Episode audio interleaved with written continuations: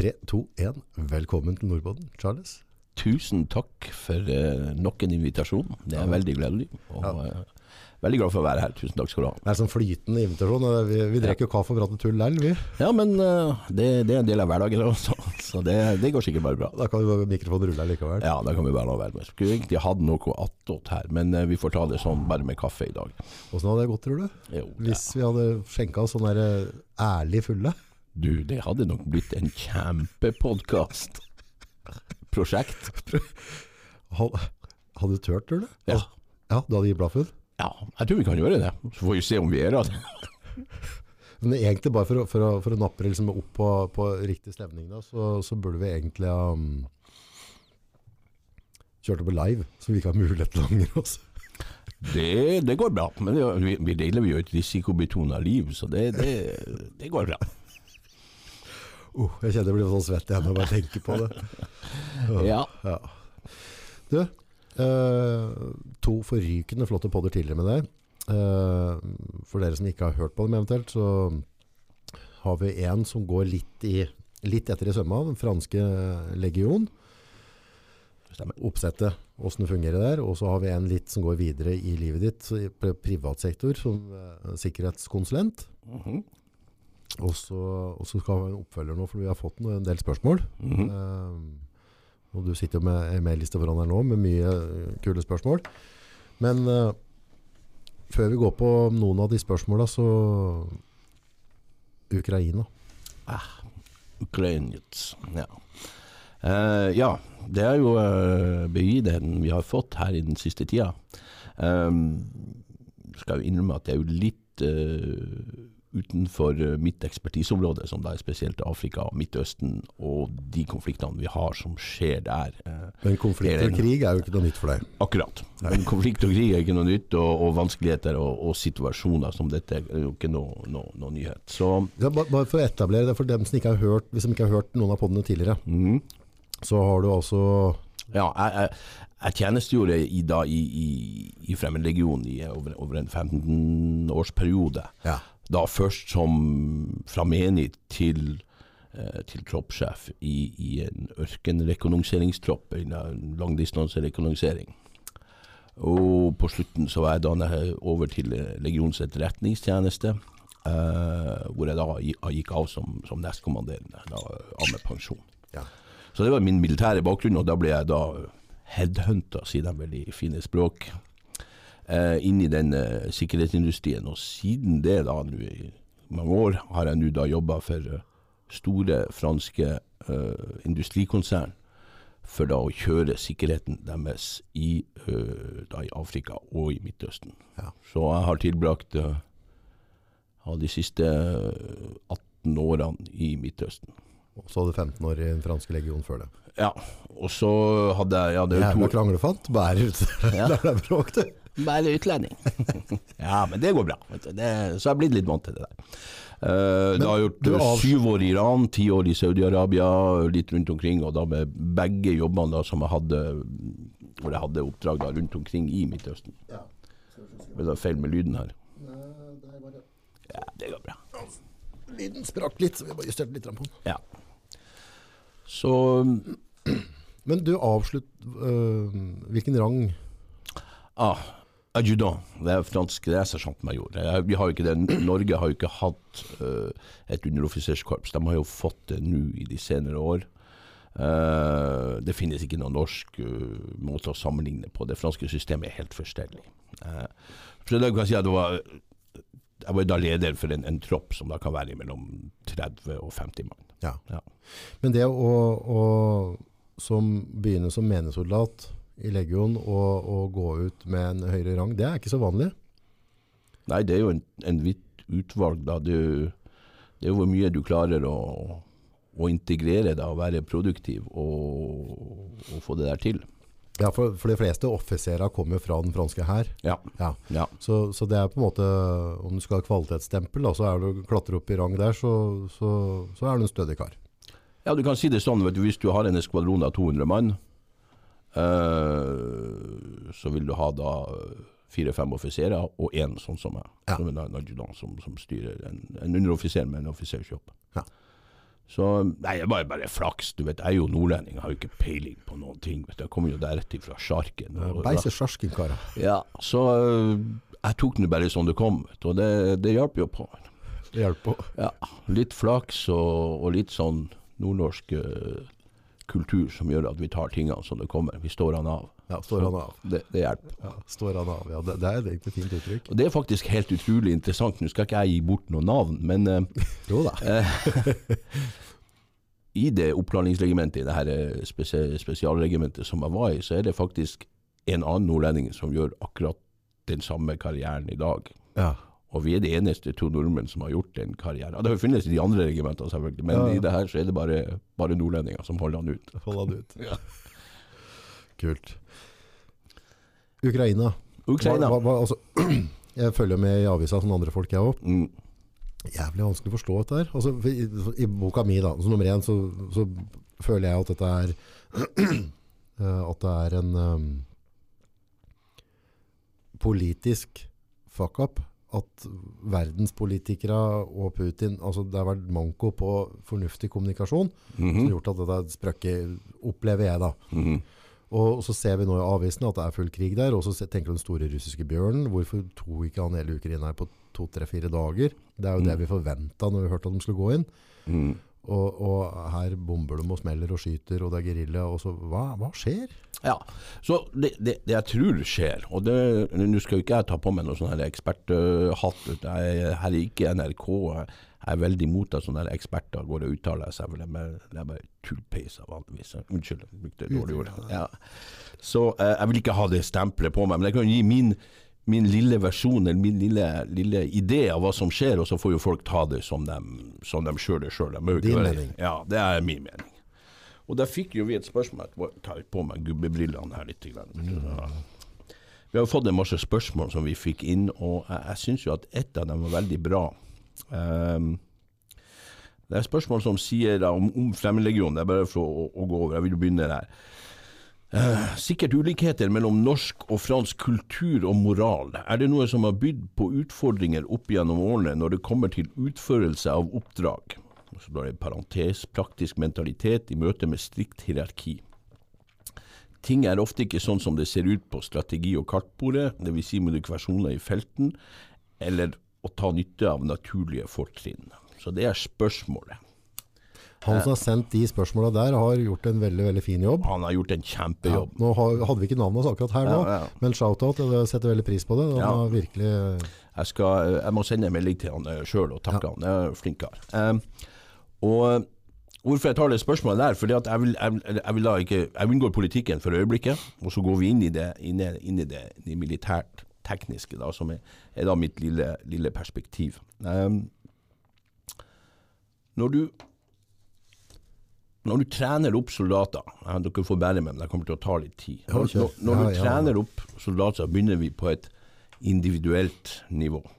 Ja. Eh, så deler jeg det i fire. Eh, da kan vi si at første omgang så har vi da den individuelle fysiske treninga. Mm. Hvor langt kan du løpe, hvor mange pushups kan du ta? En sånn der, sånn som dere driver med i gym, der homogutta. Og så har vi den tekniske treninga. Ja. Hvor bra kan du skyte? Hvor flink er du til å pakke sekken? Hvor godt forstår du det militære området? Det er de to tekniske tingene. Og så har vi da den det jeg vil kalle den, den um, integreringa, eller skal vi bruke et ord som kanskje er skremmende, men som fungerer, som er indoktrineringa. Så har vi da et hjørne her, en tredjedel, som blir hvordan kan jeg indoktrinere deg ved å gi deg tilhørighet, ved å gi deg status, vil jeg gjøre at du skal ville være med på det her. Og, det, og, og liksom at du er del av vårt, vårt system, at du er produktiv, at du er stolt av hva du gjør, at du tror på oppdraget, og at du tror på hva som fungerer. Du er villig til å gå i døden for Ja, det, rett og ja. slett. Og så har vi det jeg kaller for den siste hjørne hjørnet her, den siste kvadraten, er da en, det vi snakker om eh, det kognitive eh, moralsystemet, eh, immunsystemet er et bedre ord. Det kognitive immunsystemet. Så hvordan har vi trent deg opp til å Eller jeg lurer ikke, trening er et bra ord, for du kan ikke trenes til det. Det er en utdanning, det er en prosess. hvordan kan vi lære deg å bli herda for å, å leve et hardt liv i krig, i usikkerhet? Og det kan vi bare gjøre med å gi deg et hardt liv som er hver dag er usikker, hver dag er vanskelig, hver dag er krise. Hver dag. Så du må lære å leve og like å leve i det livet. Alt det her på et individuelt basis. Skjønner du hva jeg mener? Ja. Så når vi har bygd det, hvordan kan jeg eh, demonstrere det liksom, litt sånn enkle ordet? Det får unnskylde, jeg mangler litt, litt ordforråd her av og til. Må kjøre litt på fransk og Ja, ja, ja, da, da, da går det på tvers. Vet du. Ja. Ja, hvis, hvis du og jeg går ut herifra nå, ned, Ja. så går vi ned i gata, og så, så, så, så kommer det en gammel mann som detter om og dør av hjerteslag. Så vil jo det være litt sjokkerende for mange. Og, Oi, hva er det som skjer? Men så er han, eh, han Harald som jobber på begravelsesbyrået, han kommer jo og henter han. For Harald er det jo ikke noe drama av det her. Ja, han er Herda er jo et stort ord, men han har jo lært det der. Så det er den prosessen vi går igjennom for å, for å skape at folk er vant til å være soldat. Og den er vanskelig. Den, den krever masse tid, og du kan ikke drive med det sånn på overflaten. Og det er jo derfor vestlige, generelle armeer har problemer, for de klarer ikke med dagens sosiale strukturer, så kan de ikke drive sånn, så de får jo ikke til det der. Men det, det er jo et annet problem. Russerne har kanskje også sine problemer. Kommer tilbake dit. Og så går vi da her videre. Jeg driver og prøver å bygge opp den her, den her argumentasjonen for den russiske hæren, men de bruker jo fortsatt legion, da. Og så kommer vi over da til, til eh, det som er ordra oppdrag og moral. Og du vet eh, Da er det ikke sånn på film. Du vet når, vi, når, når filmindustrien eller bøker De er jo ikke skapt for å verken beskrive krigen som den er, eller realiteten. Det er kommersielle produkter. Ja. Så vi kan ikke se på, på filmer som Rambo eller Saving Private Ryan eller hvilken som helst. Du må ikke se på det som en militær eh, realitet. Nei. Det har ingenting å gjøre med det. Og det samme med bøker, som ofte er, er kommersielle produkter. Ja. Så det blir jo, virkeligheten blir noe helt annet. Så den klisjeen med at eh, liksom du har generaler som sitter og gir helt uforståelige ordrer som kommer nedover, og så har du løytnanten som er dum, og, og liksom kapteinen som gir helt uh, feil ordrer, og så har du helten da, vet du. Så det, det er jo en prosess, vet du. Typisk filmprosess, liksom. Helten er jo der han får en umulig ordre som han må utføre, men så klarer han å overkomme det. Så dør halvparten, og så gjør han jo da bedre enn hele hierarkiet, for da vinner han prinsessa og halve kongeriket på slutten. Men det er jo bare i kommersiell historie i en film. Det er jo ikke sånn det foregår i virkeligheten. Nei. Så i virkeligheten, nå har vi snakka om hvordan vi lager individuelle krigere, Ja. men hele forskjellen kommer jo til hvordan skal vi samkjøre det her. Og da, da går jo jeg til, til, em, til, til min egen erfaring som, som troppssjef, som, som ansvarlig for 35 mann. Ja. Så i militæret så har vi jo Vi begynner med individet, og så har vi to mennesker. Det er en av de to sjefer. Mm. Og de to går da inn i neste ledd, eller er fem. Mm. Så har du en sjef for de fem. Og så er neste ledd, så har du ti mann. Ja. Og så er det en som er sjef for de ti mannene. Og så har neste ledd der 35, da, for å si enkelt, som er med. Ja. Og hvert ledd er jo nødt til å trene opp sin samkjøring. Så uten å gå inn i uendelige detaljer av hvordan det foregår, men jeg da som troppssjef, så sitter jo jeg egentlig da med fire-fem ganger ti mann Ja. ja, som jeg driver og, og sjonglerer. Og det er jo mitt ansvar å ha trent dem opp på forhånd, eller utdanna dem på forhånd, til et nivå så jeg vet hva jeg kan be om, og hva jeg ikke kan be om. Går, hun slår bort fra grunnprinsippet og skyter med gevær og sånne enkle ting, men hele grunnideen er at jeg må jo vite, jeg som leder, ansvarlig for det her, hva kan jeg be om, og hva kan jeg ikke be om? For hvis jeg ber om noe som de ikke klarer å gjøre, så driter jeg jo meg rett ut. For det er jo mitt ansvar. Så i, i den virkelige verden så kommer ikke de her idiotordrene. For de Du dommer deg ut. Ja, ja, Ja. Hvis jeg ber noe som de ikke kan gjøre, og det, det er akkurat det samme for min sjef. Mm. Så når han gir meg ordre, så først og fremst så har han jo ikke Og det, det er bare et eksempel, det går jo alle, alle nivåer går jo akkurat det samme. Så han har jo først og fremst ikke lov å gi meg en ulovlig idé. Og jeg har ikke lov å akseptere en ulovlig ordre. Nei. Og det er min plikt å minne han om at det er en ulovlig ordre. Og han kan jo ikke miste ansikt for å gi meg en ulovlig ordre. Det er jo helt umulig. Og så har jo da Fremmedlegionen en utrolig fordel med at folk er inne i mange år.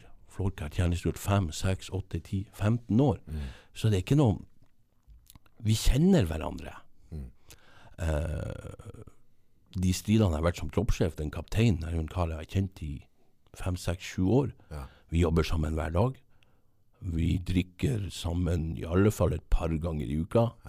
Det er et helt annet forhold. Så de setter ikke i gang og gir ordrer som ikke eh, stemmer overens. Og du vet, når du kommer inn Det er jo ikke sånn at når du Vi, vi, kommer til Russland ganske snart, men Ja, det er bare for å sette, sette når du, når du reiser inn på, et, på, på en, operasjonsområde hvor som helst i verden, og du, du har et oppdrag å utføre, så nok en gang så er det ikke som på film. Du kommer jo ikke inn der og, og, og hopper ut av en flymaskin og begynner å skyte på folk. Det, det, er jo ikke sånn det foregår.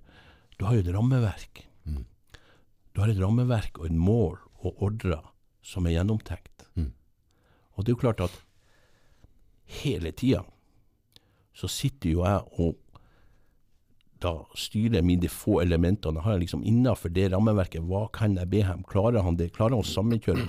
Har jeg trent nok så at han, enhet A, kan komme dit, og enhet B er der for å støtte? Og hele den sammenkjøringa, det er jo det som er viktig.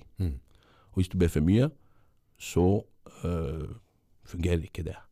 Og hvis det ikke fungerer, hvis ikke du klarer å sammenkjøre alle dine enheter, så detter korthuset sammen. Ferdig. Ja, og det er det som skjer med russerne. Så da er det mitt inntrykk, hvis jeg kommer til Ukraina, så har jeg jo inntrykk nok en gang Jeg er ikke strategisk ekspert i det hele tatt, og det her er bare en god gammeldags troppssjefsanalyse. Jeg har litt inntrykk av at um, den politiske situasjonen i Russland har gjort at veldig få mennesker innenfor den militære strukturen var klar over at det skulle bli en invasjon. Og de har bestemt at de skal uh, bare kjøre tropper og sette dem opp på grensa som en politisk uh, prestasjon. Hva heter Ja, det på norsk? Ja, ja, postur. Ja. Viste seg fram politisk. Ja. Her har vi. Ja, og, og da har de tatt avdelinger rundt omkring i Russland som var tilgjengelig, Ja. men ikke nødvendigvis samkjørt. Nå snakker jo jeg om på mitt lille nivå hvordan jeg samkjører, men generalen har jo det samme problemet med samkjøring, men har jo bare andre Ja, ja, ja. Så plutselig en dag så har de sagt til dem, «Ne, gutta, politikken fungerte ikke, nå må vi inn. Ja. Og da har de 200 000 mennesker som kanskje individuelt eh, er veldig flinke, veldig dårlige, jeg vet ikke. Men de er ikke samkjørt. Skjønner. Og da blir det veldig, veldig, veldig vanskelig. Kortere. For du er nødt til å samkjøre. Innenfor militære operasjoner så finnes det ikke noe, noe, noe, noe noe sånn snarvei eller noe. Det, det nytter ikke å si på PowerPoint på en, på en skjerm at sånn skal det være. Du er nødt til å gå ut i bushen, du er nødt til å kjøre sammen. Og én militærenhet kan ikke fungere uten den andre. Og det gjør jo at hvis han Oleg ikke er klokka fire i den skoglinja med de våpnene tilgjengelig for det når han Ivan kommer fra den andre sida, så fungerer ikke det. Og de klarer ikke å samarbeide. Og så i tillegg har jeg litt inntrykk av at den russiske hæren har gått inn som en russisk hær, og den skal inn og slåss mot en annen hær. Men det ser ikke ut til å materialisere seg. Ukrainerne har forstått at de kan ikke sette opp 100 stridsvogner på linje og begynne å slåss. De foretrekker å være elastisk og, og da slå der de kan. Så det selvfølgelig på lang sikt kommer russerne til å vinne. Det kommer til å koste, men de kommer til å vinne på lang sikt. Den, den maskinen er enorm. Ja, for når du sier med det, med det på en måte å være forberedt og sånn, for du har jo sett uh, type rapporter at de har på en måte Ukraina åpna av russiske ambulanser, så er det bare kasta masse våpen og ammunisjon inn. Altså, det virker som det er bare helt kaos. Mm. Men krig er kaos. Ja.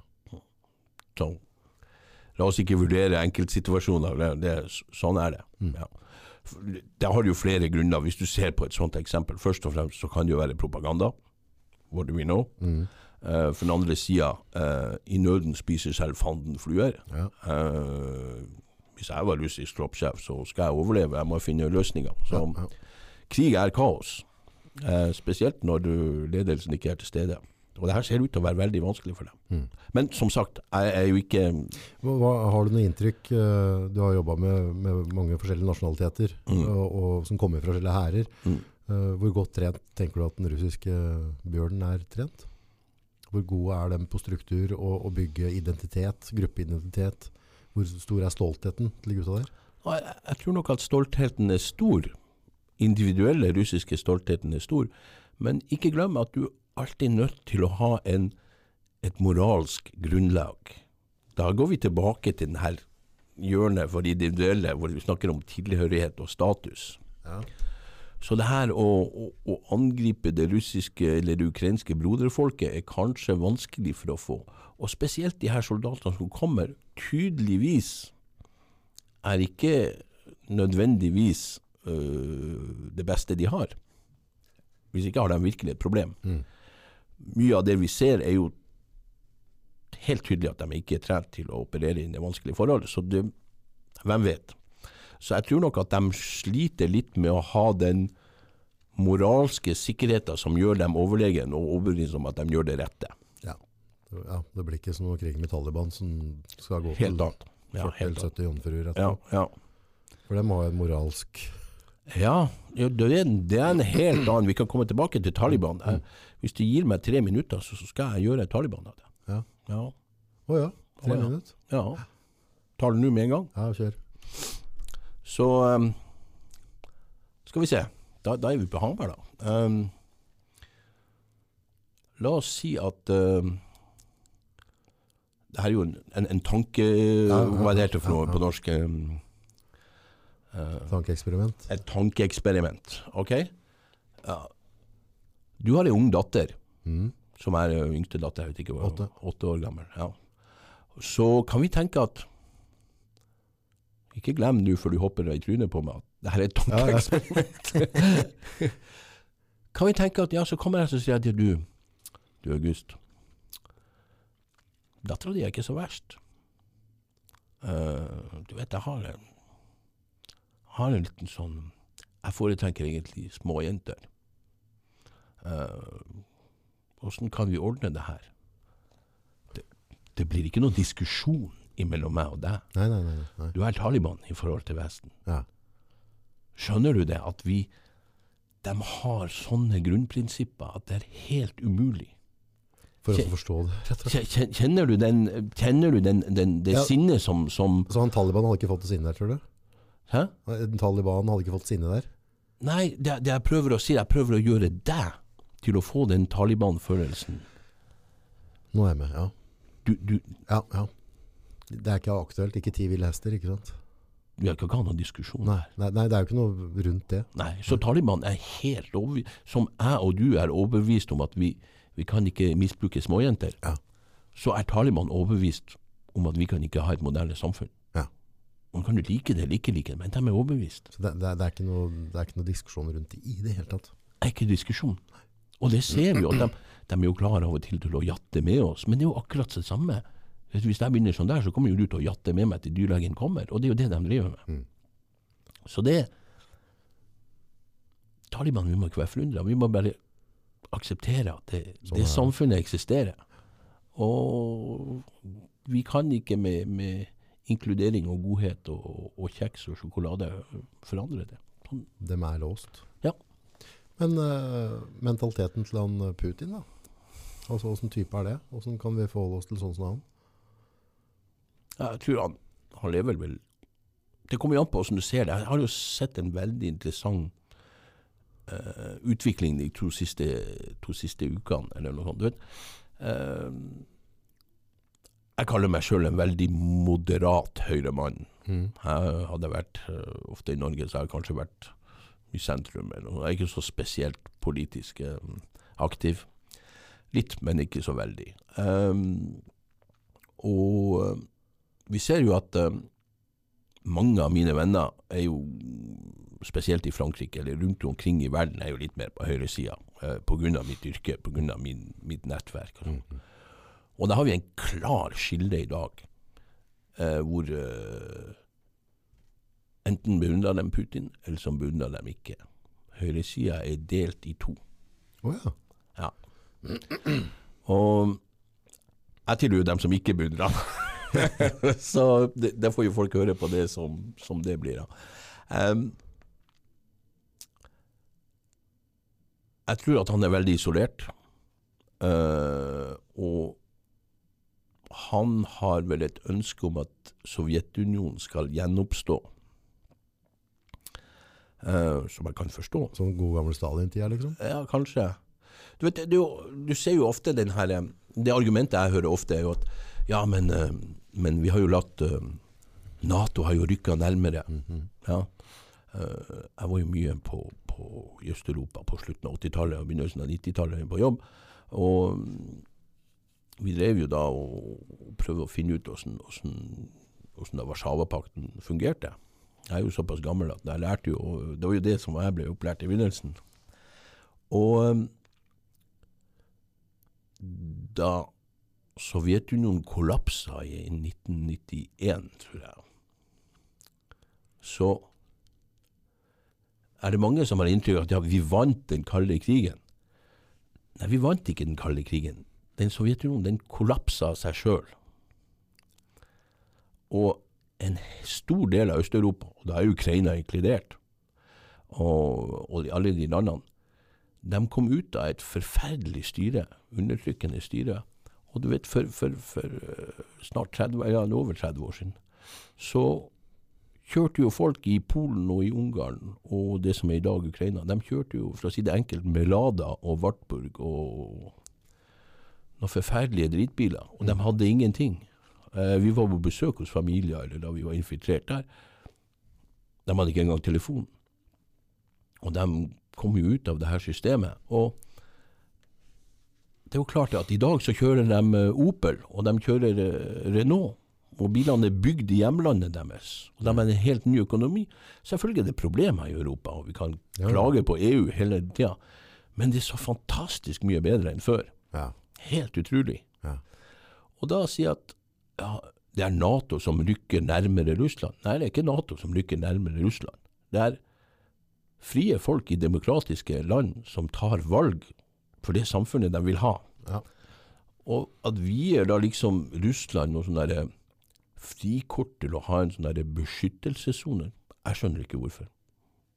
Har vi det mot Sverige? Nei. Så Russland har autoritet innenfor Russland, i min mening. ja. Mm. Ja. Eh, Og Sverige har i Sverige, og Norge har i Norge. akkurat. Hva Norge bygger opp på militæret, kan Sverige egentlig bare drite i. Akkurat. Ja. Og så Derfor syns jeg at invasjonen av Ukraina er helt på jordet, og at jeg tror han er isolert. Og han, han søker kanskje å oppnå en, en dominans han ikke har, i min mening. Men- Nok en gang, nå er ikke jeg noen sånn politisk analyst. eh, Nei, men Putin eh, Vi så jo på en måte Stalin, da. Som var litt lenger ned på lista. Mm, Eh, der slet han jo med eh, altså, sånn Militærmessig, da, under annen verdenskrig, så, så gikk det fryktelig mye russere. Og det var jo at mye av hans generaler og hans offiserer var så redde, for han, han, han Stalin var så dominerende og ufin. Så folk med kunnskap som kunne egentlig lede krigen, de turte ikke å si meninga si, for de var redde å bli skutt i nakken i neste øyeblikk. ja. Er det litt sånn, tror du nå, at, at det sitter folk i militære enheter rundt der som har meninger, men de tør ikke å, å konfrontere Putin? Jeg, jeg tror det er to, to ting til det. For det første så øh, Uansett, det forandrer ingenting, for det er for seint. De kan ikke forandre, selv om de sier sin mening nå, så er det for seint. Ja, Ja, ja. Det, er, ikke nå vi skal begynne å trene og samkjøre og Nei, nei. organisere. Men du vet, kommunismen hadde jo alltid en Det er mye bra folk som er russere, ikke få meg til å misforstå, Nei, men menneskeliv har vist seg å ha hatt mindre verdi. Absolutt. Ja. Øh, er det religion eller samfunnet som gjør at vi er annerledes i Vest-Europa? Det vet jeg ikke. Men Sovjetunionen og nå Russland har jo aldri nølt med å ofre uskyldige. Eller uskyldige, eller menneskeliv, kort og godt. Ja. Så jeg tror ikke det har forandra seg. Det ligger der ennå. Ja, De driter i det. ja. Jeg har en god venn som driver eh, i et land i Midtøsten. Vi har en samarbeid med et russisk selskap. Og han som er sikkerhetssjef der lokalt for meg, han, han har gått rykte i en sånn The problem with Russians is they can only work with Russians. Ja. Ja. Så det, det er vanskelig. Det er vanskelig. Det er vanskelig å jobbe med dem, fordi at de har sine egne meninger, sine egne Og det, er det, er jo- men det er jo fakta med mange land, men Ja. spesielt der. Mm. Ja.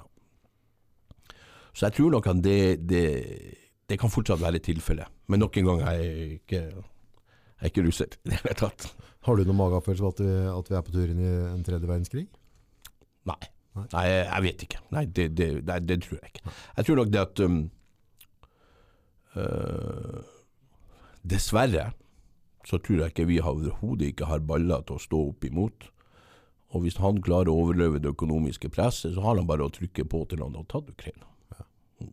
Det er jo en enkel Men det som er liksom litt sånn øh, vi, vi sender jo over øh, håndvåpen, og, og de har jo delt ut til alt som er sivile. Og de, altså de, de har kjørt på veldig nå i Ukraina. mm, Og folk tenker liksom, ja, det kjempebra at vi Mm. gjør det. Og det er bra det å støtte. Men, men så tenker jeg liksom at det de oppnår, er jo at du får masse geriljagrupper. Det blir geriljakrigføring. Så kommer da på en måte russiske tanks eller hva det nå enn er inn. Uh, si at de erobrer store områder, men du har fortsatt en masse, masse våpen og ammunisjon ute blant folket som bor i Ukraina. Før du et ordet av det, så er det et kålhus som står ut av et vindu i en blokk og skyter mot en eller annen tanks. Og så svarer tanksen, og så går det sivile liv. Ja, men det, så- sånn er det. Det, Det er det, det, er det vi kommer til å oppleve. Så det, det kommer Ja, til å bli sånn. Ja, for krigen går i den retningen at det blir liksom ikke militær mot militær, det blir jo militær mot semi-sivil militær, Ja. som ratt kan stå bak hjørnet på en barnehage Ja. og skyte mot noen soldater, Mm. som igjen da får mortar. Akkurat. Dette, dette blir stygt. Det kommer til å vare lenge, og det blir veldig, veldig stygt. Det er jo stygt allerede. Det er forferdelig. Ja, for det, dette går utover det sivillivet. Ja, ja, ja, det, men det går utover alle sammen. Ja. Ja, så det, er ikke noe, det finnes ikke noen god løsning, bortsett fra at han tar til vettet og snur. Men det kommer han ikke til å gjøre. Nei. Så det, Ja, det har jeg liksom tenkt på. Altså, jeg tenker, vi kan jo på en måte tror jeg aller fleste er enige om at, eh, at Putin er ei bølle. Altså, det, er- det, er- en roughneck. Eh, og, og de politikere, altså, type, nå- altså, nå, så klart Stoltenberg var sikkert en omfattende militær utdannelse, så han var veldig, veldig godt plassert da, i at han satt han i NATO. Men jeg, jeg ser på at sånn type ja, ja, altså, Hva skjedde der, egentlig? Var det det? Altså, glem det. ja. ja nei, men altså, det, det er noe vi, altså, Nå skal vi sette den riktignok inn som banksjef. etter den har på altså, Vi har ikke hatt krig i Europa på en liten stund. Men nå skjedde noe på hans vakt. Da, men, Nå Men var jeg i godt humør. ja. men poenget er jo at jeg har en følelse av at sånne typer, den type mann som Putin, da, Mm. respekterer ikke sånne Stoltenberger på noen som helst måte. Er helt riktig. Og jeg har hørt en diskusjon med, en- med en del eh, franske venner. her forhenværende sjef som var general som i Fremmedlegionen, som var sjef for Fremmedlegionen på slutten av 90-tallet. Han er ganske på, på høyresida. Han begynner å bli gammel, da, men han, han kjefter jo på oss alle fortsatt. Og, eh, og jeg hadde en liten diskusjon med han. Liksom, og, så, men han sier liksom ja, typisk, Putin er sjef, han står for noe, og han går frem og. Så sier jeg, men det er jo franskmann. Putin, han pisser jo deg opp i ræva. Ja. Han hater jo deg. Han driter i deg. Hvis han kunne ta knekken på det, så hadde han gjort med en gang. Han har null respekt for det. Hvorfor beundrer du han? Øh. Og det er samme problemet hvis vi går tilbake til, um, til annen verdenskrig. Mm. Du vet, vi visste jo ikke om jødeforfølgelser og alle forferdeligheter med nazismen. Men vi hadde jo akkurat de samme fjomsene som beundra Hitler i 1939. På de samme grunnene. Så eh, Jeg så vet du, at det er en som er mye på YouTube, en Yoko, en sånn eh, Navy-dude. En har vært offiser der. ja, ja, ja. ja, ja. Han, han, han er så slitsom for meg. Ja. Ja, det er veldig American, da. Men han, sa- han, han la ut en tale på, på, Mm. på sosiale medier. Liksom, hvis han var president, hvilken Mm. beskjed han Mm, gitt til mm. Putin. Mm. Og den, når det kommer fra sånn gubbe, mm, så var det rimelig sånn klart. Liksom, altså, han, han ga han en retrettmulighet. Altså, Hvis vi du gir det nå, skal vi, skal vi bli enighet om dette der. mm, Men det var liksom samtidig, hele flåten vår er på tur. Altså, mm. det var liksom, her er ultimatumet. Ja. Altså, dette kommer til å skje nå. Om fem dager så er vi der. Sånn, sånn, sånn. Dette kommer til å smelle. Her har du mulighet. Kom og sett deg ved bordet nå. Og så finner vi en løsning. Hvis ikke, så blir det krig. ja. Opp til deg. Men, men vi har jo på en måte bare vært sånn vage, og så skal vi dit og skal datt. Så, så virker som Jeg fikk sånn følelsen av Putin en ting er at, at, at det har gått til skeis med samarbeidet og greiene der, men at han liksom sender inn litt, noen, noen sånn spisser her og der, og så ser han hva som skjer. Og så ser han at Stoltenberg-gjengen de sitter og prater tåke, og, og skal være politisk korrekte, og skal passe på å bruke de riktige orda, skal ikke være for strenge, skal ikke være for snille, sitter bare og, og våstaker. Så sitter han på siden og ser på det her, så bare, ta så på disse her jentungene, de gjør ikke en dritt. Mm, Nå dytter jeg den, ta, kjører inn en kolonne til her. Mm. Så ser jeg sånn nei, det kommer ikke noe, det kommer ikke noen nye flyr her. Ok, Mm. her bare, nå bare kverner vi oss gjennom vi. mm, For har de ikke gått inn nå, så går de faen ikke inn eller? mm. Så at akkurat som det var, at den der invasjonen, at den tok litt tid, at han bare drev smakte litt på byttet, Mm, for å se hvilke reaksjoner, og så ser du han der Biden-fyren, han kjørte vel skipa sine ut mm. fra Svartehavet. Han gikk motsatt retning i stedet for å gå inn. Og det gir jo et veldig sånn kraftig signal at, vær så god Putin. Mm. Det kan gjøre det, vet du. Det er klart du ikke Vi er kanskje litt, litt handikappa av, eh, av, av, av det godhetsbildet vi vil legge frem. alt. Tror du han forstår godhet? Det, det, det kan jeg bringe til, men det, det gjelder faktisk mange steder i verden. Ja. I Midtøsten, i Afrika, i, i, i mange kulturer. Her har gått veldig fort. Plutselig har verden blitt en liten landsby. Og du vet, eh, alle tenker ikke sånn som oss i Nord-Europa eller i Vest-Europa. Det finnes veldig mange kulturer i verden hvor vi er ikke på samme nivå. Samme som Taliban, det er to forskjellige verdener. Det er to forskjellige verdener. Det er mange land når jeg møter mennesker eh, som jeg da enten skal jobbe med eller samarbeide med. De har ikke et konsept av likemann. Enten er jeg over dem, eller så er jeg under dem. Det er ikke noe Det er ikke mulig det, det her er at vi er likemann, det er noe som blir veldig, veldig Det må være brødre eller søstre eller noe sånt. Det er det. Ja. Så i disse situasjonene så har vi alltid en situasjon at det, det er liksom vinn-vinn for alle. Det er et konsept som ikke eksisterer. Nå kan vi jo si at det er uheldig, og at det er synd, og at det er trist, og øh, hva vi vil. Men realiteten er at sånn er det. Ja. Så Putin blir enten dominert, eller så dominerer han. That's it. That's it. Det er ikke noe mellom. Nei. Nei. Det er den følelsen jeg sitter på. Nok en gang, jeg er ikke spesialist på Putin. Nei, men, nei. Putin, men ja. Ja. det er den følelsen. Jeg- så han der, eh, Donald, Donald Duck. Mm, Jeg har jo sagt at hadde, hadde han sittet på Det hvite huset nå, så tror jeg ikke den invasjonen hadde skjedd. For jeg tror Putin ser på Donald Duck som equal crazy. mm. Så han tenkte på at uh, pusher jeg på han Donald Duck, så vet jeg ikke hva jeg kommer altså, Det er meget mulig, ja. Der kan jeg Neste øyeblikk så flipper han over bare og bare måker på. I, for han, han kan handle i affeksjon, ikke sant? Mm. Men også kommer det seg andre politikere som ikke, ikke tramper. Meget mulig, ja. Meget. Jeg er ikke så stor ekspert på, på, på storpolitikk, men eh, Nei, jeg, jeg er hører den, eh, den, den argumentasjonen. Eh, det blir jo litt samme som vi skal gå på torget her, og så skal vi ta, ta en eller annen spot. Mm. Vi, har noe, vi handler, selger fergelys inn mot jul, Mm. så vil vi ha en plass. Mm. Så står det en som er veldig opptatt av å være likemenn og, Mm. og, og skal være, bruke riktige ord. mm, Så er vi ikke sene med å dytte han unna den plassen. akkurat. Men står det en eller annen gammel kriger der, Ja. så dytter hun, så vet du fader ikke om hun skyter etter dem med hagla eller ikke. Helt riktig. Så lar vi heller være, ikke sant? Ja, ja, ja. Og jeg tror nok det er en, en ganske bra analyse. det.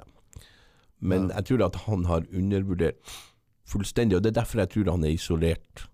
Han har nok undervurdert sine militære kapasiteter. I alle fall så går det ikke som han hadde planlagt. Ja. Og da, jeg tror litt av de grunnene som jeg har forklart, eh, er det mest sannsynlige. Ja, for det, jeg kjenner en som bor, bor eh, oppe i Sibir. Mm. Må hilse til Hein. Kjekk kar. Driver med, med mjølku og greier. Han er en kar du må møte. Han hører på en del på der, så vi får hilse så mye til. Ja, Ja. ja. Så han, han uh, fikk jo frøse i bankkortet sitt nå, så, så, han, opp, ja, så han kjenner jo litt på dette her. Uh, og det er jo ikke sånne fete kår uh, oppe ved Uranfjella der heller. Men eh, hvis jeg forsto han rett, så hadde Putin ganske bra oppslutning, eller like greier, ute på bygda. Og inne i byene, ikke så mye. Litt sånn som Donald Trump sa han, Ute på sumpmarkene så, så var det dem som likte den der. Så, så det er en splittelse Mm. i Russland på forhold til hvem som syns det er ok å leve under den. Ja, men så har du da i tillegg så har du at eh, Da kan jeg dra parallellen med Iran. Eh, mange lurer på hvor mye befolkninga støtter regimet. Hvor stor del av befolkninga støtter regimet i Iran. Det gir regimet faen i. Det, det er helt uinteressant hvor mange som støtter han Putin. Så lenge han er sjef, så gjør han som han vil. Ja, Og så driter han i menneskelivet også. det Ja, det, men det er en, en, en vestlig eh, Ja, men Tror du ikke det kan skape en splittelse som gjør at det blir vanskeligere? Altså, tror du han kan få mytteri i sine forsvarslinjer? Jeg vet ikke. Jeg kjenner det ikke godt nok. Jeg kan ikke Jeg vil håpe det, men jeg, Ja, For det det har vært den mest fredelige løsninga. At hans generaler og dem som står rundt ham bare sier at nå er det bra. ja, det beste hadde jo vært det at noen sier at nå er det nok, og så bytter vi leder, og så Ja, går det her ned. Ja. Men eh, For dette går jo utover de russiske folk, og, og alle de russiske sivile folka nå. stakkars, ja. Ja, dæven han steike. Altså, sånn, 99% av russere er jo helt vanlige mennesker. ja, og, og de skal jo eksportere varer, importere varer. Klart Og de det. er, altså, dette går jo utover mat på bordet deres. Ja, ja. Du vet, jeg jeg er jo urmaker på mine lange vinterkvelder. Her er russisk var gammel klokke. Oi. Og det er jo krise der hos mine leverandører av, av deler, for de får ikke sendt noe lenger til meg. Så jeg blir jo nødt til å Russere har jo laga en del bra kikkerter, annet. Ja, men det er bra. Det er en gammel, gammel russisk militærklokke. Kult. Ja. Man har jo laga noen gode gamle Star-hagler òg, som bare funker og funker og funker. Ja, den her gikk i rett tid, da, men det er jo et annet problem. det må jeg prøve å føre bedre. Ja.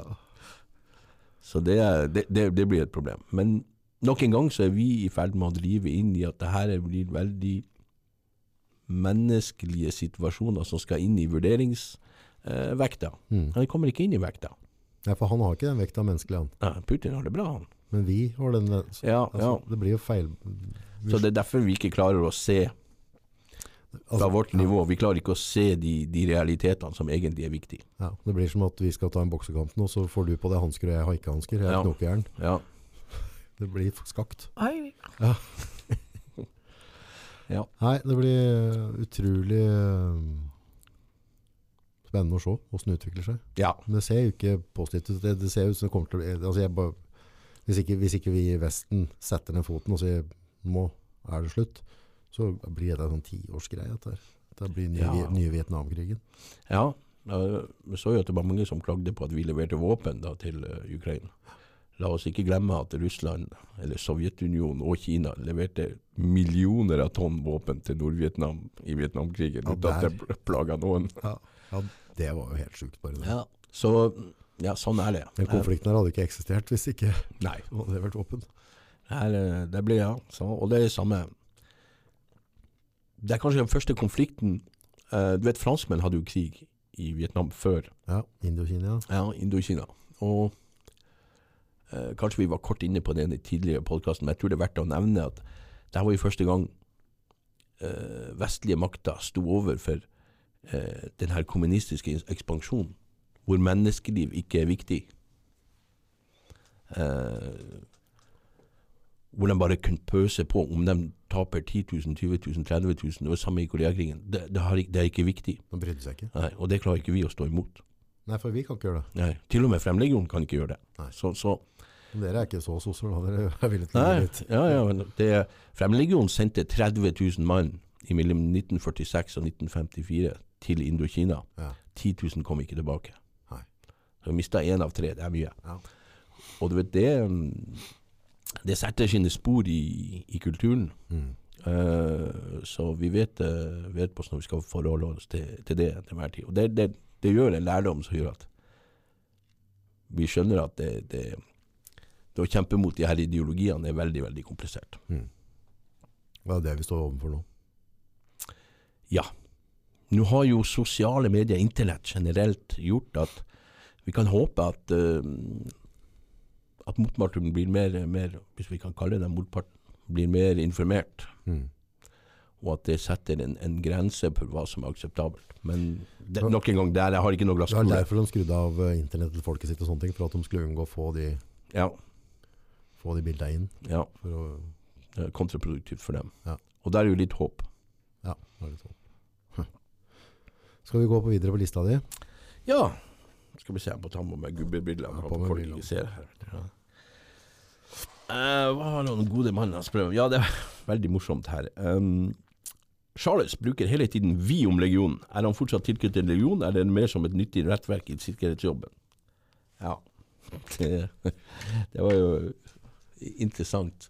Jeg driver og skriver i bok, eh, to bøker faktisk, eh, om legionen. Og jeg leste litt meg sjøl, jeg sier 'vi' hele tida. Ja.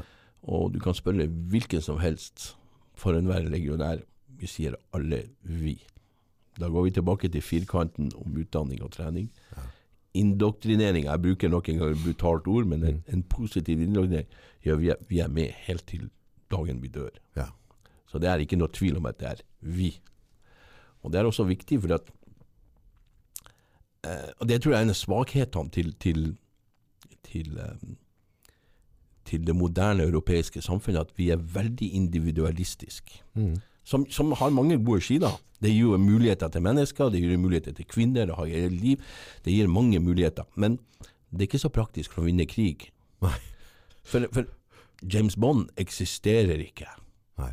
Rambo eksisterer ikke. Eh, De, de fantasifigurene dere lærer om i, i bilder og bøker og sånt, de her supersoldatene, de eksisterer ikke.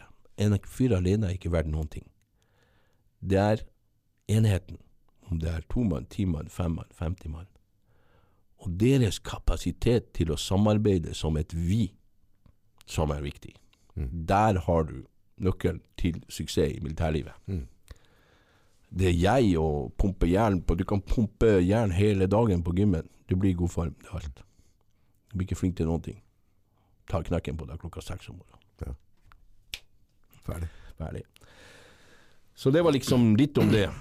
Um, ellers så eh, har vi også last, uh, før vi kommer over til noe annet. Ja, vi har liksom litt sånn spørre om uh, Kan gå inn raskt igjen her.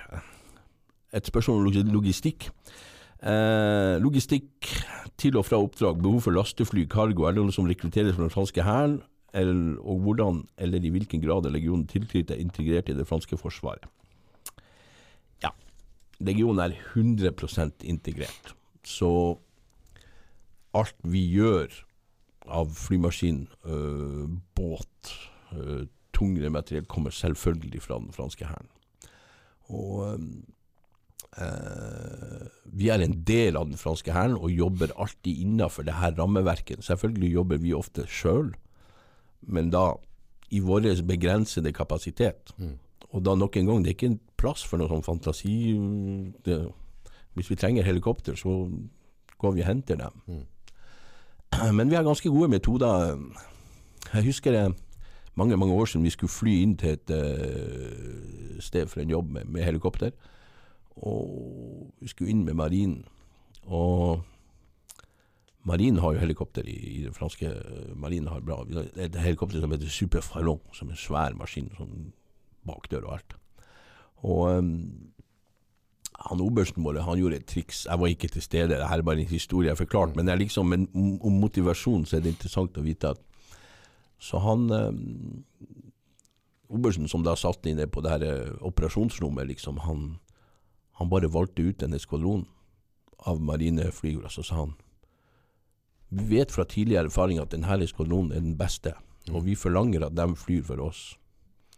Og trikset med det var jo det at den beskjeden fikk han til skvadronen, som der lærte at du gutta, legionen de syns vi er de beste. Da blir vi nødt til å gjøre en kjempejobb. Så det ble det ekstra motivasjon for å lært oss på den rette fjelltoppen i et uh, shithole land. For hvis de leverer deg på feil fjelltopp, så er det uhyre kontraproduktivt å gå 20 km ekstra. Så. Ja. Så det er metoder du bruker da for å motivere Det franske. mennesker. Ja. Og vi jobber ganske bra med, med, med de andre enhetene, fordi at uh, det er et annet, en annen metode, eller en annen ting liksom, En av mine gamle sa du må aldri være sånn hovmodig, eller sånn Det er ikke du som har skapt legionens uh, myte. Det er ikke du som har skapt legionens rykte. Så ryktet er der allerede. Du har ikke behov for å skape det. Vær hyggelig med folk. Vær grei. Sånn, få, så får du det du har behov for, i stedet for å gå og paradere som du skal være som Supermann. Og det syns jeg var en god, eh, god lesson for life. Ja, veldig. Uh, hvor godt likt er legionæra av uh, franske soldater? Er det respektert? Veldig positivt. Ja, ja. Jeg har aldri møtt noen som var negativ. Aldri. Er det liksom sånn at, eh, at, eh, at dere er litt kule gutter når dere kommer inn, at de liker dere, eller at de synes det er Ja, det er, det er ofte sånn. Uh, og selvfølgelig finnes det franske styrker som er bra styrker, som marineinfanteriet f.eks. Men ja, når vi har drukket litt og banka hverandre opp, så kommer vi til et sånt stort sånn der, ja, nivå hvor vi kan samarbeide. Så det, det går bare bra. Sånn, Hvis du er ute og kjører bil og blir stoppa av kontroll, og ser at du er en legionær politiet og sånn, hvordan blir du respektert av franske folket og politiet? Ja, eh, veldig bra. Jeg husker en kveld jeg kom fra en Jeg kom fra en, en pub i Marseille i min nykjøpte Volvo. Eh, 84, det er mange mange år siden. En sånn sports-Volvo. Jeg ikke husker det. Og jeg var jo i Frankrike litt annerledes. Jeg kan jo innrømme det nå, 20 år etterpå. Jeg er jo drita full. Men. Ja. Og eh, jeg hadde med en kar, eh, en annen nordmann som var med meg, som er litt fra oppi dalene her.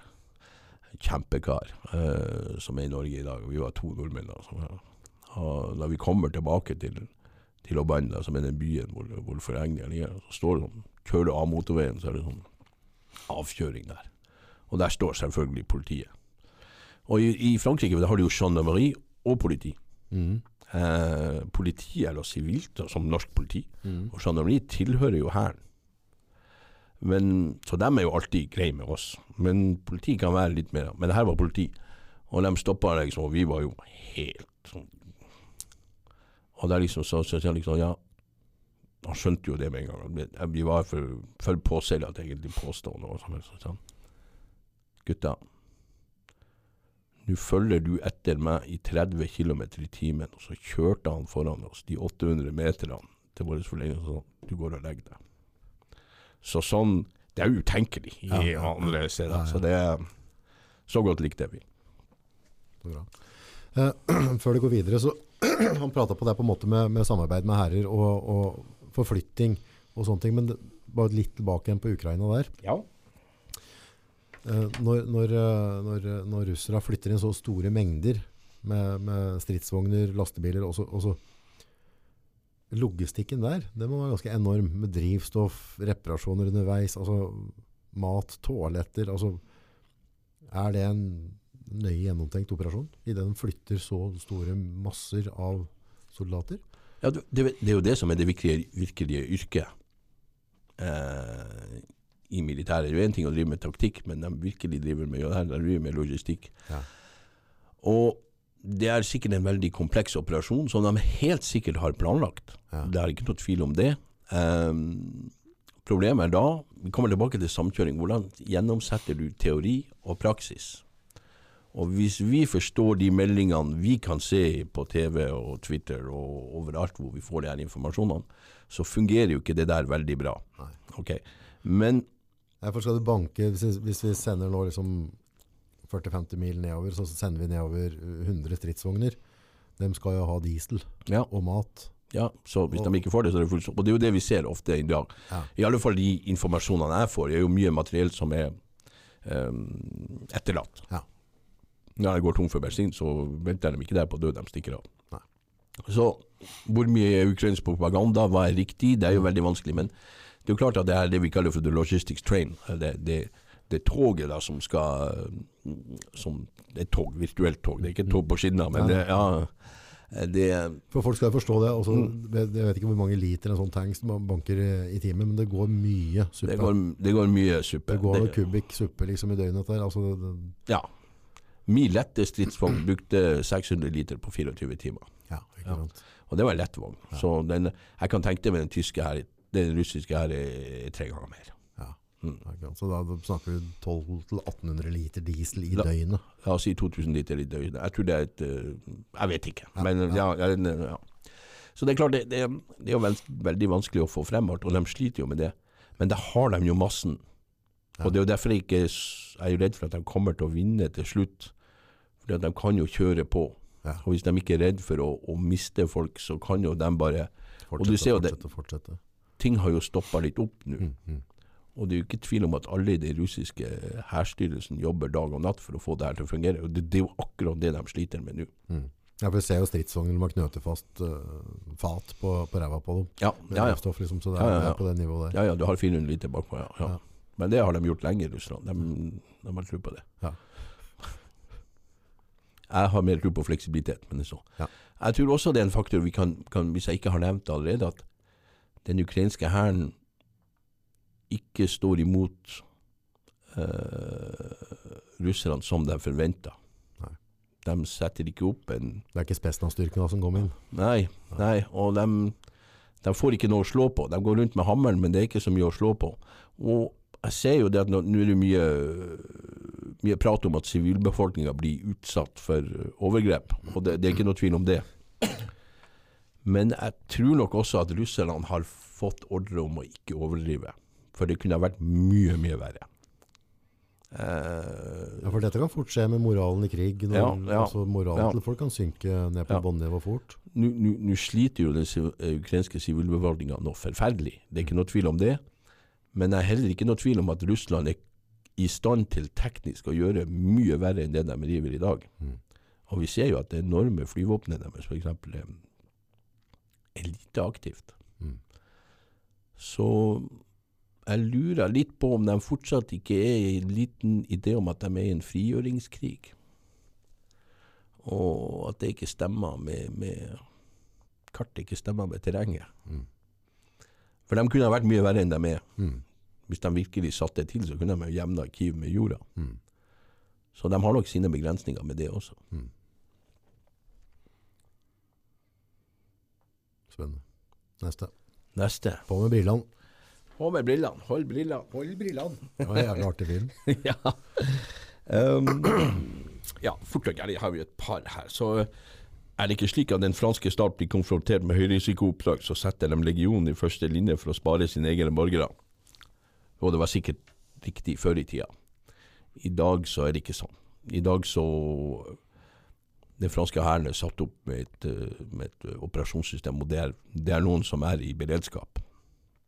Denne uka kan det være oss, neste uke er det marineinfanteriet, etter neste uke der er det alpe, alpejegerne som Så det er dem som er i beredskap, som blir sendt. Ja.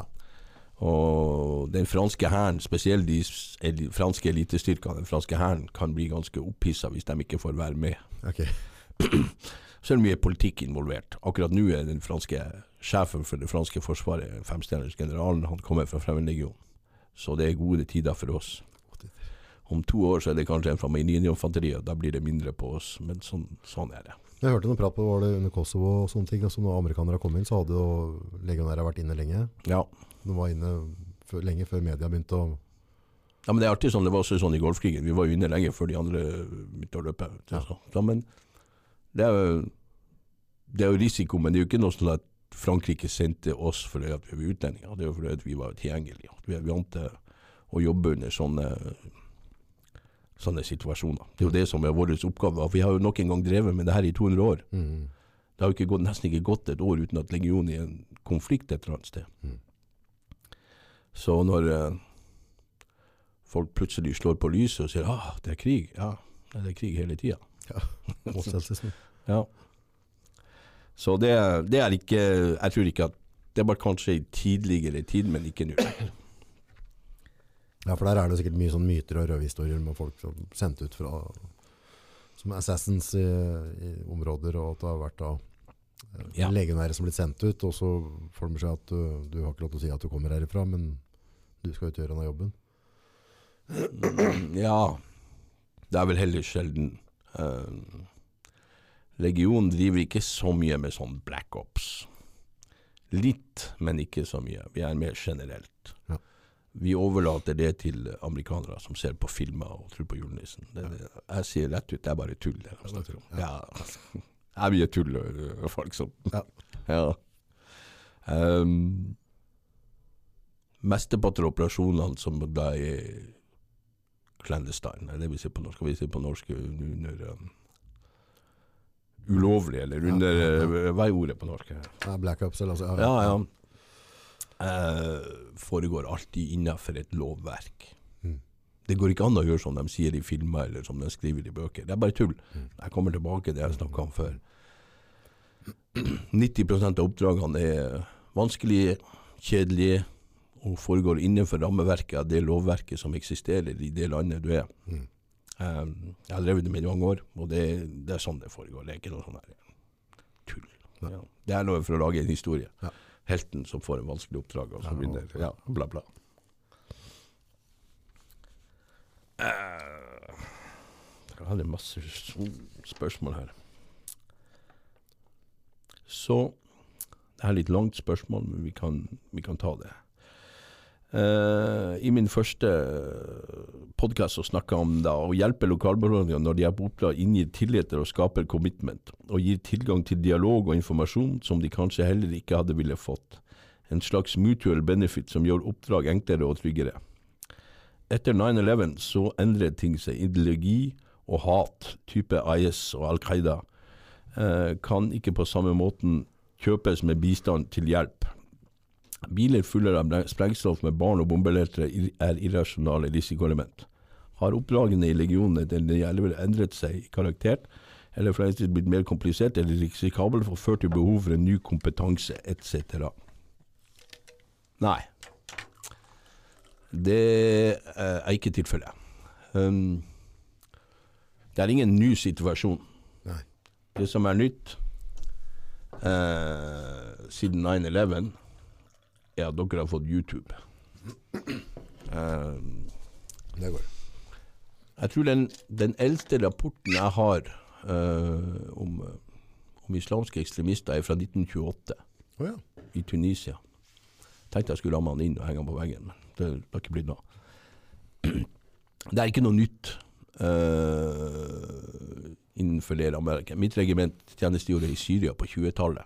Eh, når vi går inn der, vi, vi har jo en sånn der eh, honnørrom, og når vi ser bildene fra de krigene der, der var, islamistene var akkurat like brutale i de dager. Var det? Det er ikke noe nytt. Nei. Det er ikke noe nytt i det hele tatt. Sånn har det vært i, i flere hundre år. Og så det som er nytt, er at uh, amerikanerne har vært involvert. Én. Uh, pressen har kommet til. Uh, sosiale, medier, sosiale medier har eksistert, så vi begynner å se at, eh, at eh, vi, får, vi ser volden som den kommer da inn på Mors, Og så har de fått en økt kapasitet, at de kan fly passasjerfly inn i bygninga. Mm. Det er det som er nytt. Mm. Men krigen har ikke forandra seg. Så da tilbake til det han spør om, hvordan, hvordan driver dere det? Når jeg, når jeg snakker om at Fremmedlegionen da, for Fremmedlegionen driver ikke med politikk. Vi skal kontrollere en sone. Vi er ikke sånn derre create democracy and hearts and minds. and all that. Det er et politisk oppdrag av en sivil administrasjon som eventuelt Det er ikke vårt oppdrag. Vi er militære. Ja. Vi skal kontrollere sonen. Så for å kontrollere sonen, så kan vi gi en masse ting til befolkninga. Det er helt riktig, og vi gjør det. Men eh, vi har også riset bak, Ja. bak hjørnet som ligger der. Så det vi også gjør, vi kjører en aktiv kamp imot dem som ikke vil ha den støtten vår, dem som har valgt den andre sida. Og vi har ikke noe tro på at vi skal drive og omvende folk med vår heart of mind. Nei, vi prøver å gjøre folk bedre eh, for den vanlige befolkninga, for å få den med oss så mye vi kan. Men samtidig så kjører vi brutalt imot de andre. Mm. For oss er det ikke en løsning å bli eksplodert av EIDs eller, eller, det, det er altfor defensivt. Du må opp i lia, du må ut og hente dem i hølet mm. om natta. Det er brutalt. Det er um, veldig vanskelig. Men det er det som må til. Du kan ikke tro at du Ja, vi har jo lært i Afghanistan etter 20 år, da. Og Det er ikke sånn at dere står på en kontrollpost og så venter der oppe og drar dem ut av hølet. nei. Ja, det er uh, brutalt bare, for du, du står ikke og venter med speil, og her kan vi arrestere henne, liksom. Det, det går ut der det skjer. Da, da har du bygd din, ditt konsept opp hva du har sett på amerikanske filmer. Mm. Det er ikke sånn den virkelige verden er. Nei. Du må opp i nattemørket med informasjon, og, og du må ta livet av jævelen. Mm. Så det er sånn det er. Hva da? Da tror jeg vi har gått gjennom alle spørsmålene. Vi Har gått gjennom alle? Kanskje Det ser så langt ut. Dette. Ja, jeg må på med gamle brillene igjen. Hold brillene. Um, nei. Siste her. S legionens tilpasninger til en ny kompetanse og en ny teknologi. Droner, rakett, eh, satellittposisjonering, målstyring av raketter, rakettsystem, våpensystem styrt med joysticks etc. Noen tanker hvordan legion med spesialiserte analoge soldater tilsparte det nye landskapet, nye metoder og ny teknologi. Hvorfor er vi analoge? Vi har folk fra 140 nasjonaliteter. Jeg har ingeniører fra Russland, fra Kina, fra overalt. Nå er sikkert den franske fremleggingen fullstendig avhengig av hvordan det franske forsvaret utvikler seg. Men til å bruke denne nye teknologien, det, det skulle ikke bli noe, på noe problem. Nå er ikke jeg helt oppdatert, for det er jo, men det skulle ikke bli noe problem. Men det, kan jo, det gir jo en segway til å prate litt om. Jo en, en stor del av mine oppdrag i dag er jo hvordan beskytte oss mot eh, droneangrep. Ja. Det er jo en del av mitt yrke i dag som er et, eh, et kommende problem, og der står vi overfor virkelig eh, vanskelige tider. Eh, droneteknologien utvikler seg langt raskere enn det beskyttelsesteknologien utvikler seg. Mm. Og vi kommer til å stå overfor store problemer. Vi ser jo allerede i Ukraina at de bruker droner. Riktignok litt primitive. Det finnes langt bedre. Eh, og det er enorme kostnader for å beskytte seg mot droner, faktisk. Du må jo ha en, en enorme kostnader i folk, utstyr, trening. Så den du skal beskytte mot droneangrep, må jo være eh, må jo være ekstremt følsomt. Ja. Amerikanerne klarer å beskytte den amerikanske ambassaden i Bagdad.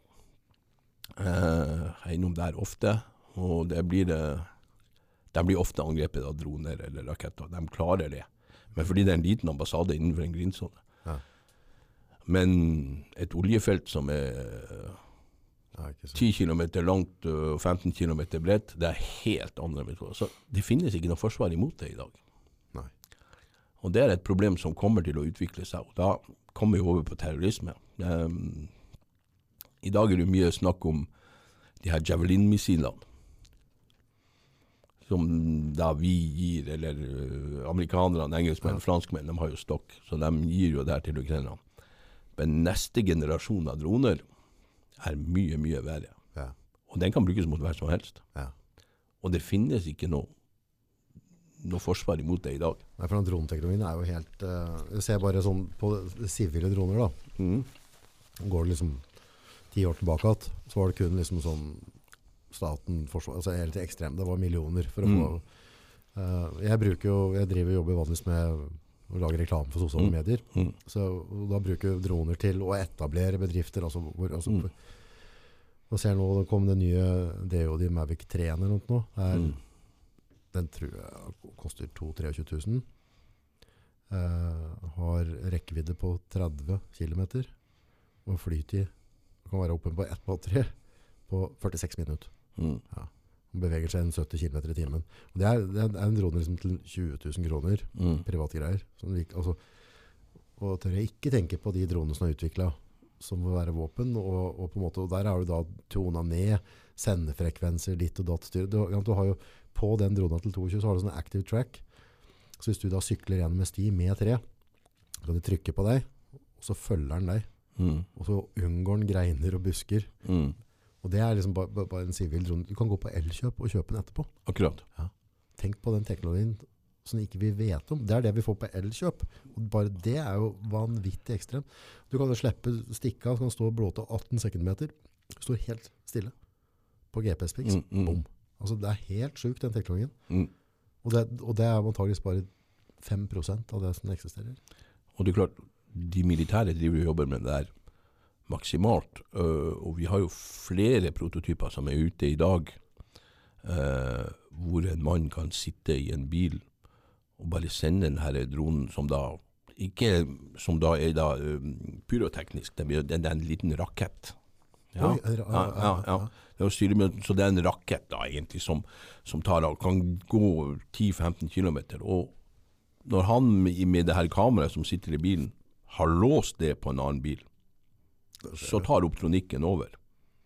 Og han går rett i den bilen.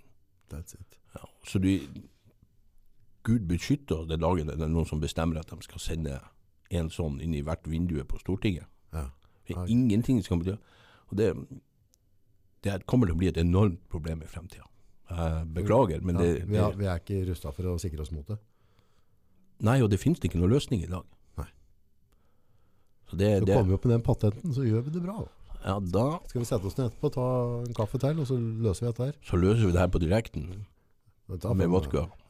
Sånn feskenette fra en farfar, og så Ja, skyter vi det oppi været. og litt karsk. Jeg vet, sånn På flyplasser og sånn, så tror jeg de har sånne type um, Nesten ser nesten som bazookaer som sender signaler. Som overstyrer de dronene. Men, Ja. men det hjelper sikkert ikke på så andre som er Han går i lockdown. Det er jo en eh, to eller tre år siden, jeg husker ikke. Tre, tre år. Vi ble angrepet. Et, et av våre oljefelter i Saudi-Arabia fikk jo sånne iranske kryssermissiler som kom. Oi! Og du vet, det her er maskiner som da Det er jo litt større. Um, det her er jo dessverre franskmenn lagde på 70-tallet en liten jetmotor som skulle brukes i småfly. Ja. Som er helt enkel, og de er bygd i hele verden. Så teknologisk i dag så er det ikke så vanskelig å bygge et lite kryssermissil som kommer med 40 kg eh, sprengstoff, eh, 400 km i timen i 10 meters høyde. Og du vet, den går på GPS-en eller på hva, til et punkt, og så går han rett inn på det han har elektronisk om bord. Så du kan ikke jamme han, du kan ikke overstyre han. Han tar ingenting fra utenfra. Han går rett inn. ferdig justert inn. Ja. Så Ja. Det er ikke noen løsning på det i dag. Ja, ja, Du kan sette masse 20 mm-kanoner som er radarstyrt, men det koster jo en formue å ha folk som er våken dag og natt, trener og Ja, det er helt vilt. og du vet, når en sånn kommer, så har du ja, et sted mellom 10 og 20 sekunder for å bestemme. Hva gjør du? Glem det, ikke sant. Så det så der tok vi eh, Ja, vi tok De kjørte jo eh, Heldigvis var det ikke mine, det var jo tilhørte Aramco, da. Men eh, de, kjørte, de stengte ned oljeproduksjon og gassproduksjon der for en, en god måned. Helt enkelt. Det er jo eneste måten å beskytte seg mot det der, er jo igjen tilbake igjen på det pratet i stad. Ut på natta og, og ned i høla. Ja. Tar dem der. Det er den eneste Ja, måten du kan beskytte deg mot, det er, det er å få tak i de operatørene. Ja.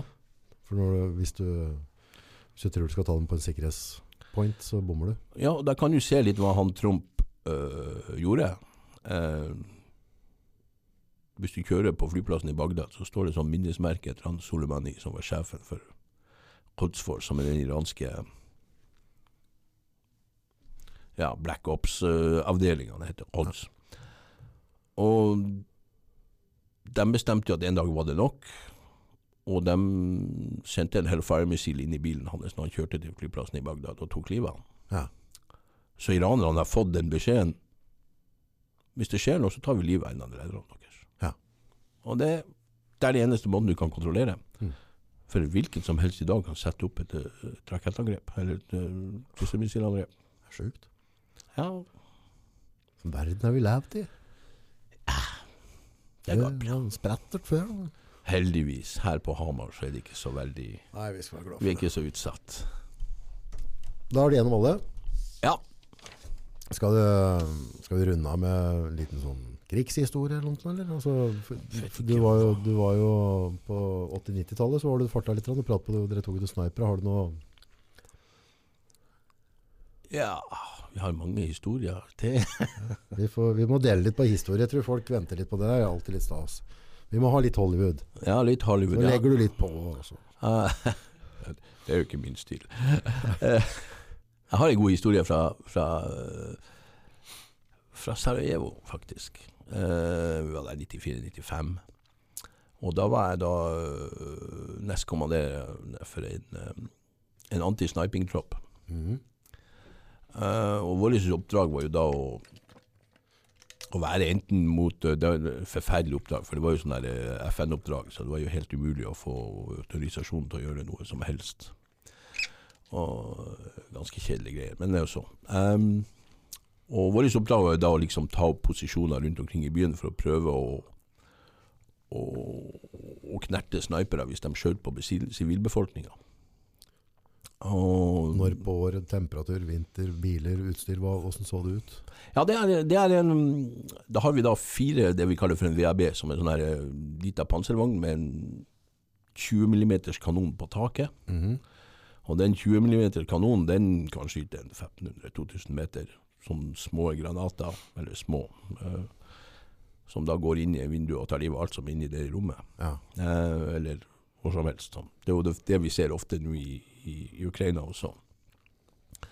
Og vår oppgave var jo da å sette de her i posisjon for å bli eventuelt i stand til å, å slå tilbake mot snipere hvis de tok seg imot be- sivilbefolkninga, enten det var serbisk sivilbefolkning eller bosnisk sivilbefolkning. Det kunne jo være på begge sider. Mm.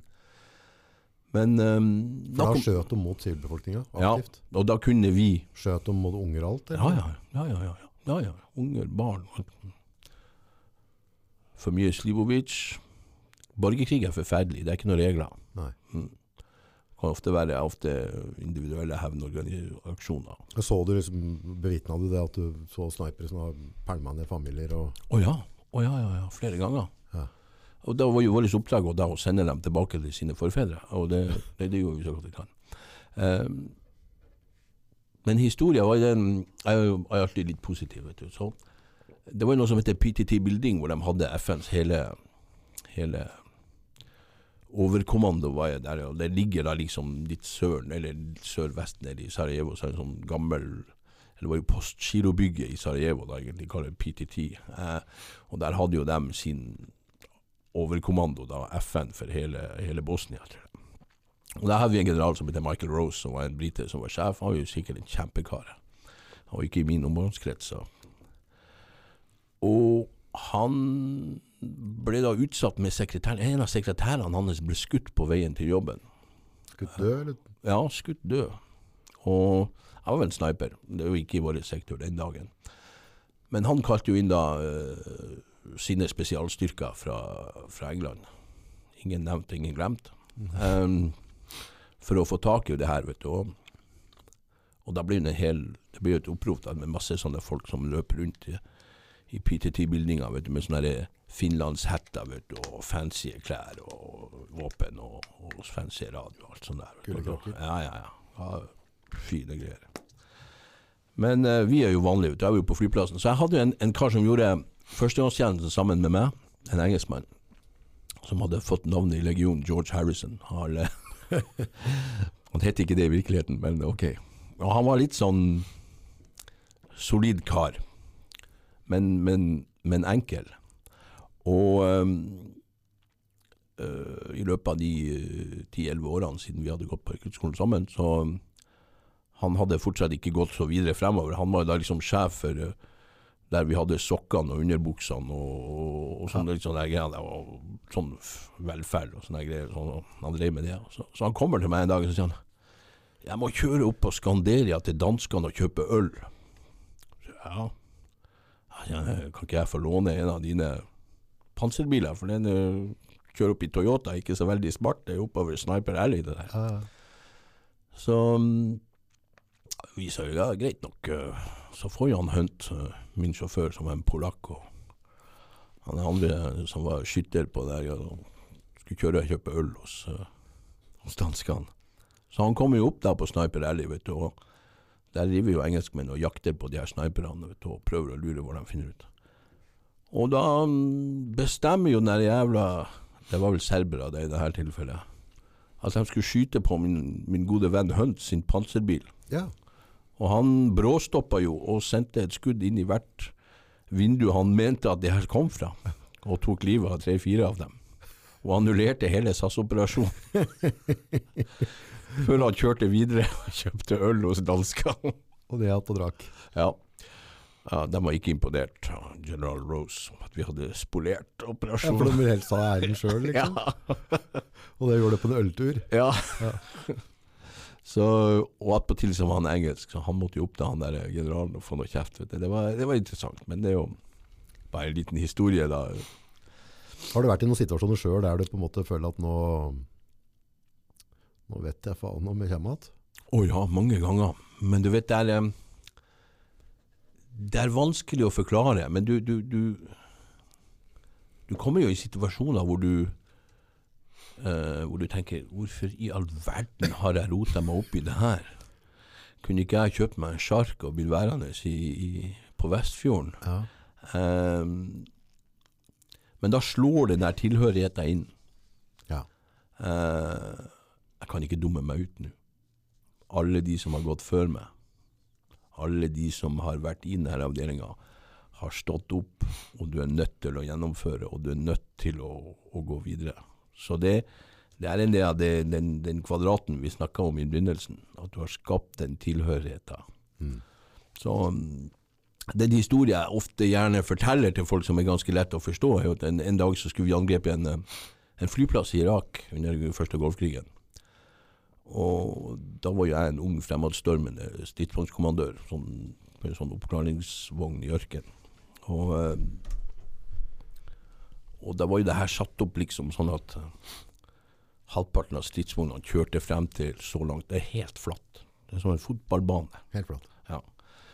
Da kjører halvparten av stridsvognene, for det er tolv, seks, vogner i en eskvadron, så da har vi da seks vogner som kjører opp, og så de er så langt at de kan skyte inn på flyplassen. Og så kjører de seks andre og angriper, og deres jobb er å kjøre rett gjennom hele flyplassen. Ikke egentlig øh, slåss om flyplassen, det er bare å kjøre rett igjennom, og liksom da installere seg på den andre sida for å ta imot det som eventuelt kommer. Og det var selvfølgelig min oppgave å være midt inni det der. Nå det her, det her kommer til å bli eh, dårlige tider. Og det som var vanskelig, var at vi måtte vente. Så vi sto jo der i ørkenen da vi så på den der flyplassen som var seks kilometer unna, og venta.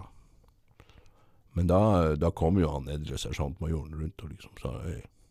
For han visste jo det at jeg kom til å dø, eller det var jo stor sjanse for det. Ja, ja. Han det betyr som, som våre forfedre, sier gutta, må du gå. Å ja, må gå. Det var jo litt mutter da, men Og det var jo fordi vi hadde hatt tid til å tenke på det. Jeg tror på én time så jeg tror jeg pissa fem ganger. Så. Ja. Jeg var ikke særlig høy i hatten. Men det gikk jo bra. Vi gikk jo rett igjennom som i smør, og de er jo helt overraska og skjønte ikke bæret. Og det, det funka bra. Eh, det er jo lett å si det 30 år etterpå, men eh, jeg var høy i hatten etterpå. Da. Ja. Det var godt med en pils da.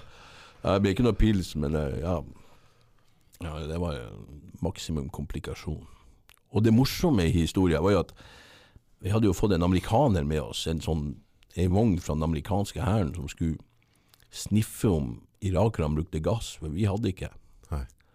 Og siden jeg snakka et høvelig engelsk, så hadde jo kapteinen sagt du er kontakt for han amerikaneren som er med oss. Så for å gjøre det enkelt, så bare følger han etter deg. Ja.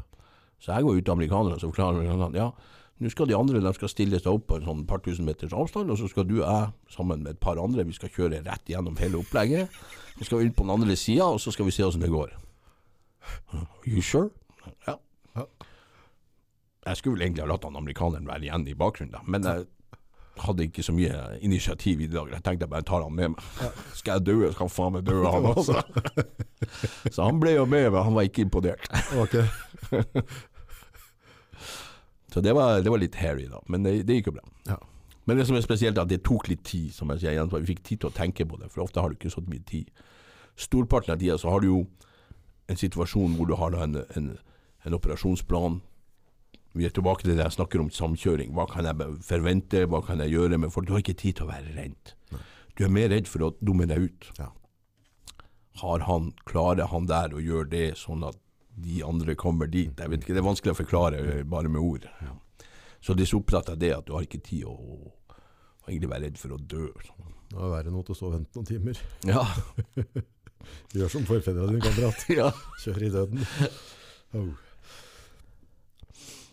Setter pris.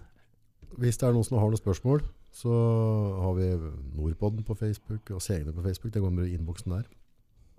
Og så, så kan jeg sende mailadressa mi til dem som hvis man har noen spørsmål de ønsker å, å, å sende inn. Ja, ja. Ja. Og jeg har en mailadresse også, det er bare å sende det til meg. Du kan gi den til folk hvis de spør. Ja. ja. Og ikke stolk falskbokbia mi. Nå hjem til fru. Nå er det hjem til mor. Må vel vaske rundt nå og gjøre noen andre sånne viktige militæroppdrag. Lekkasje som skal repareres og sånne ting. Takker og bukker. Ha det bra. Ha det.